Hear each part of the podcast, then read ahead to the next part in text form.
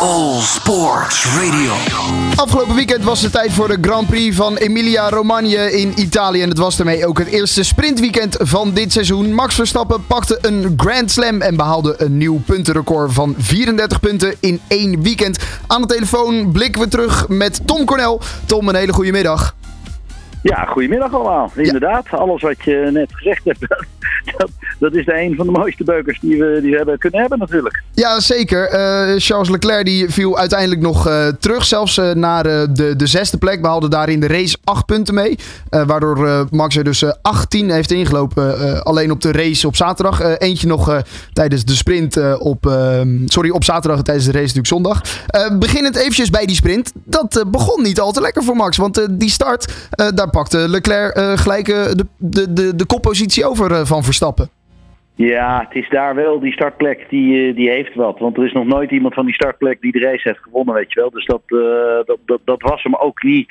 Maar er waren ook wat problemen met het, uh, met het zinken van de versnelling. Dat betekent bij het opschakelen in de opwarmronde, dan gaan ze één keer helemaal mooi door de versnellingen heen. Zodat hij hem precies overal oppakt. Nou, uiteindelijk daar is iets fout gegaan met de software, denk ik dan. Maar het, het schijnt vaker voor te komen dat ze dat, dat probleempje hebben. Ja, dus ja, weet je, daar moet je dan maar eventjes mee leven. Maar het goede was dat je in de race zag je al dat Leclerc meer radius nodig had. Dus de bocht er wijder moest maken. En dan weet je al dat de banden minder zijn. Dus ja, dus het was wel een kwestie van tijd. En uh, ja, uiteindelijk is het dan toch wel goed gekomen.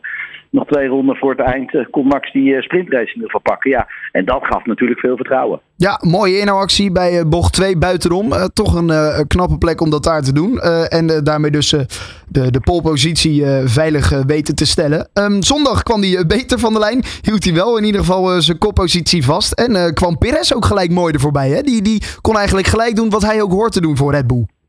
Ja, dit, dit was mooi. Weet je, als de auto snel is en je weet dat Max kan winnen, ja, dan kan, uh, dan kan natuurlijk uh, Perez ook winnen. Ik bedoel, het is dezelfde auto, dezelfde situatie, dezelfde motor, alles erop en eraan. En ja, we hebben natuurlijk al vaker zitten hopen dat die ertussen komt. En ja, dat is, dat is ook gewoon helemaal goed gegaan. Dus Red Bull heeft het echt mega gedaan. Echt, dit weekend was voor hun ten opzichte van Ferrari een ontzettend belangrijk. Natuurlijk een beetje mazzel gehad dat Carlos Sainz, die werd eraf getikt door Daniel Ricciardo. Ja. En ja, ja dan, dan, dan is dit hem toch. En onder de druk is Leclerc gewoon bezweken. De eerste 1-2 voor um, Red Bull in uh, zes jaar. Maleisië 2016 was uh, de laatste die ze op hun naam hebben kunnen schrijven. Nu dus weer eentje. Je zei het al, um, Carlos Sainz. Niet zulke lekkere laatste twee Grand Prix achter de rug. Australië, uh, rondje 1 of rondje 2 stond hij in de grindbak. En vandaag, of gisteren na een touché met Ricciardo, was dat voor hem ook gelijk na, na twee bochten einde van de race. Dat is toch niet helemaal lekker voor hem, hè? Nee, nee, maar deze keer kon hij er echt helemaal niks aan doen. Dit was echt gewoon uh, zeker niet zijn schuld. Uh, dat was natuurlijk anders in Australië. Australië was hij net wat te heet in zijn hoofd. Wilde ja. te veel op een, in een te korte tijd. Ja, en uiteindelijk ja, uh, kan je er lang of kort over praten. Twee keer kon hij gewoon gelijk naar huis. spullen pakken en afgelopen. Ja, weet je, dit, dit is nou altijd zoiets dat je denkt van... damn it, waarom overkomt mij dit? Nou, ik zeg al, de helft van de keren is je eigen schuld. De helft van de keren kan je ook echt niks aan doen. En dat bleek nu ook. Maar ja, weet je, slikken uh, en gewoon jezelf weer vermannen. En uh, de volgende race in Miami gewoon weer uh, zorgen dat je erbij staat. Ja, het vertrouwen heeft hij in ieder geval van Ferrari. Voor dit weekend werd namelijk bekend dat hij zijn contract heeft verlengd tot 2024. Goede keuze van... Ja, hele goede keuze. ik zou niet weten wie, wie dat zitje anders zou verdienen. En helemaal na vorig jaar zag je gewoon dat hij echt wel gewoon slim en handig is. En natuurlijk nemen ze allemaal af en toe risico's. En natuurlijk rijden ze af en toe een auto plat. Maar ja, dat hoort er ook bij. Als je constant zo op de limiet rijdt, ja, dan, uh, dan gaat het ook wel eens fout. En uh, nee, ik, ik zie dat het paar, en dan heb ik het over Leclerc en Sainz dan even bij elkaar, ja. gewoon een hele goede keuze is van Ferrari. En ik zou echt niet weten wie, uh, wie daarvoor zou kunnen invallen. Sterker dan Verstappen en Perez? Um, nou ja, de eerste aantal races natuurlijk wel. Maar er kwam natuurlijk alles dat de Ferrari zelf gewoon twee, drie tienden sneller was. En ze hebben geen updates meegenomen richting Imola. Dat heeft Red Bull wel gedaan. En ja, er schijnt echt nog wel mogelijkheden te zijn. Dus er zit nog meer in. En bij voorbaat uh, heb ik het dan al over het gewicht. Hè. Als je een goede 7, 8 kilo weet te vinden en het schijnt dat dat nog een keer te vinden is, ja, dan, dan zie ik dat er, gewoon, uh, dat er gewoon mogelijkheden zijn. Dat Red Bull gewoon goed genoeg nu is om races te moeten kunnen winnen. Ja. Ehm, dat de auto goed genoeg is om races te kunnen winnen, kunnen we niet zeggen over de Mercedes. George Russell een hele knappe vierde plek, die eigenlijk meer uit de auto weet te halen dan erin zit. Um, Hamilton eindigde als dertiende en kreeg ja, excuses van Toto Wolff over de boordradio. Hoe kijk je naar die situatie? Ja, ja, ja, ja. Weet je, ze zijn met een heel ander concept begonnen. Ja. Sturk met, uh, met de sidepods die gewoon helemaal naar binnen staan. Hele andere koeling van de auto. Dus de aerodynamica, die kan je niet sturen. Dus ja, er is niks. Hè. Je zou zeggen, als er zo min mogelijk zit, dan is hij zo smal mogelijk. Loopt hij zo hard mogelijk op de rechte stukken. Maar daardoor creëer je ook turbulentie. Dus op een, een of andere manier krijgen ze de luchtstroom vanaf de zijkant van de auto, die de diffuser, die dus de downforce en de grip moet geven, krijgen ze niet voor elkaar. Nou, dat, heeft, uh, dat is nou typisch zoiets dat je theorie en praktijk, dat dat gewoon anders is.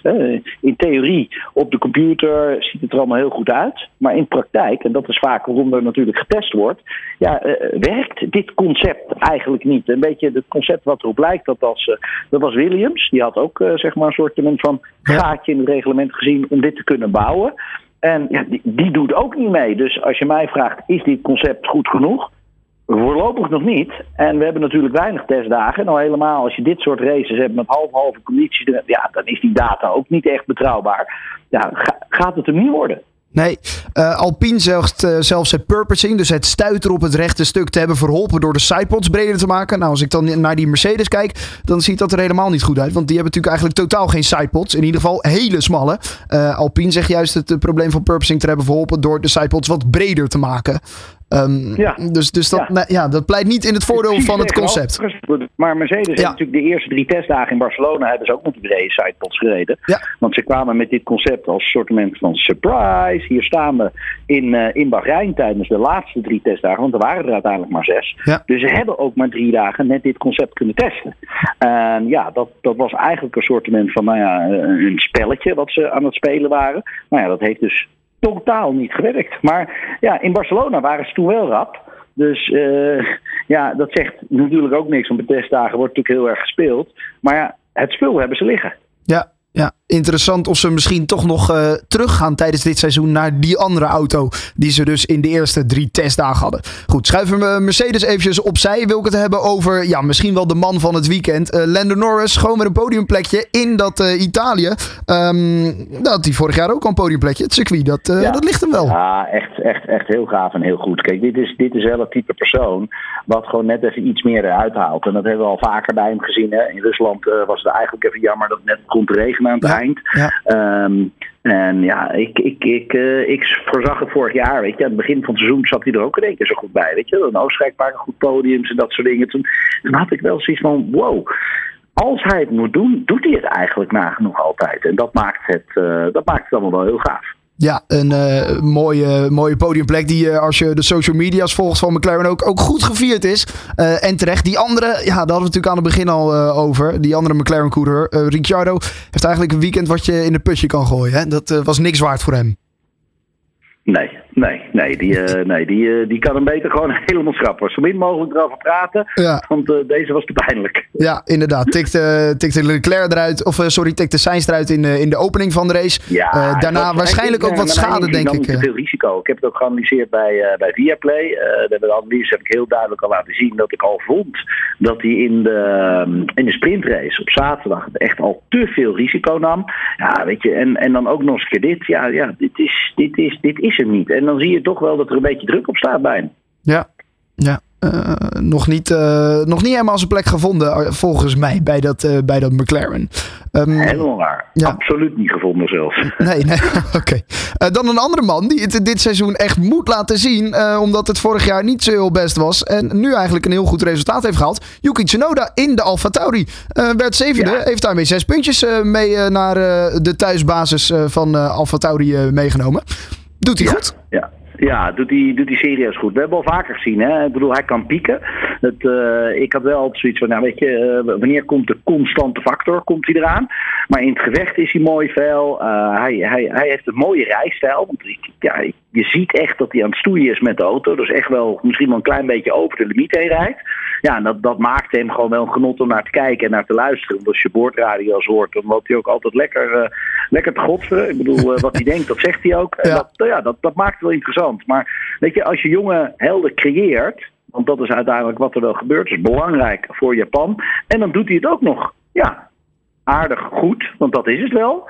Ja, dan vind ik, uh, hier gaan we meer van horen. Nou ja, laten we het in ieder geval hopen. Staat uh, in het kampioenschap op dit moment. Pak ik hem er eventjes bij. Uh, boven Pierre Gasly zelfs heeft uh, 10 punten. En Gasly heeft er 6 tot nu toe in het kampioenschap. volgende race wordt Miami. Een nieuw circuit. Nieuw voor alle coureurs. Wat, wat verwacht jij ervan? Is het, is het een saaie baan? Dat is namelijk wat ik me een beetje voorstel.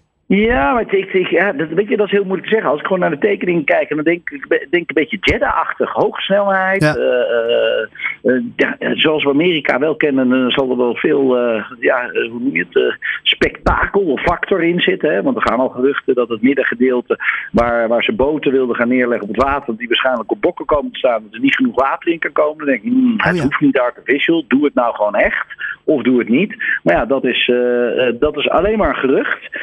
En uh, ja, nu, nu is wel even afwachten hoe die baan eruit ziet. Want ja, dat is eigenlijk niemand die het exact weet. Nee, nee. Nou, dat uh, wordt weer uh, spannend. Gaan we allemaal in de gaten houden. In ieder geval heeft Verstappen goede zaken gedaan in het kampioenschap afgelopen weekend in Italië. Voor nu wil ik je bedanken, Tom Cornel. All Sports Radio.